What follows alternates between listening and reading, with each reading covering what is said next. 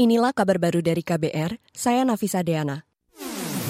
Kabar Pemilu Kabar Pemilu Partai Persatuan Pembangunan atau P3 mendukung Ganjar Pranowo sebagai calon presiden di 2024. Ketua Umum P3 Muhammad Mardiono mengatakan, dukungan itu merupakan hasil rapat koordinasi pimpinan nasional pada Selasa kemarin.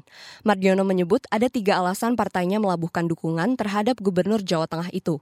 Salah satunya kedekatan historis partai dengan kader PDIP tersebut.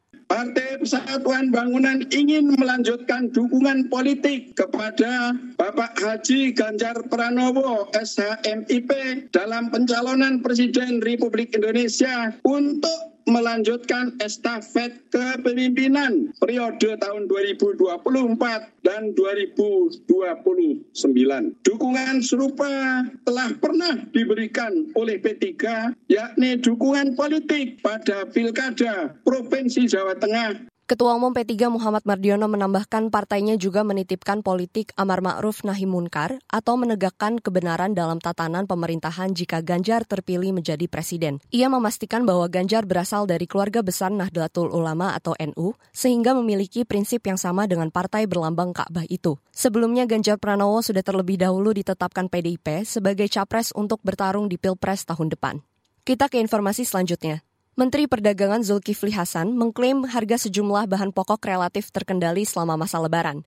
Ia memastikan hingga empat hari selepas lebaran, pergerakan harga dan ketersediaan bahan pokok terpantau aman. Itu disampaikan Zulhas usai melaporkan pantauan harga-harga pangan di momen libur lebaran kepada Presiden Joko Widodo di Istana Kepresidenan, Jakarta sore tadi.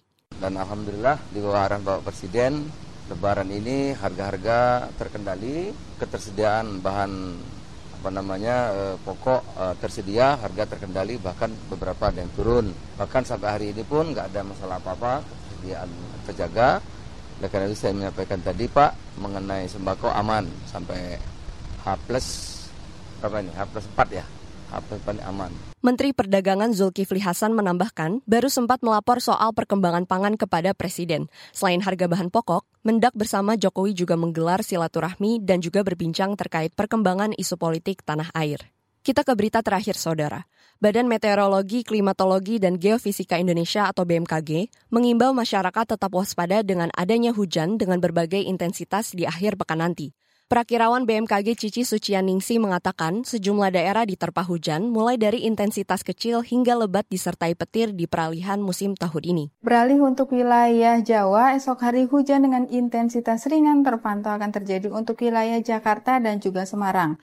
Kemudian hujan dengan intensitas sedang untuk wilayah Serang, hujan dengan intensitas lebat untuk wilayah Bandung dan juga Yogyakarta. Waspadai hujan yang disertai kilat maupun petir yang terpantau akan terjadi untuk wilayah Surabaya. Prakirawan Cici Sucianingsi menambahkan, hujan dengan intensitas ringan dan lebat juga akan terjadi di sejumlah wilayah di Sumatera, seperti Padang, Medan, Pekanbaru, Jambi, dan Bandar Lampung. Ia menyebut arah mata angin merupakan salah satu faktor yang membuat adanya pergeseran dari cuaca panas ke hujan. Demikian kabar baru dari KBR, saya Nafisa Diana.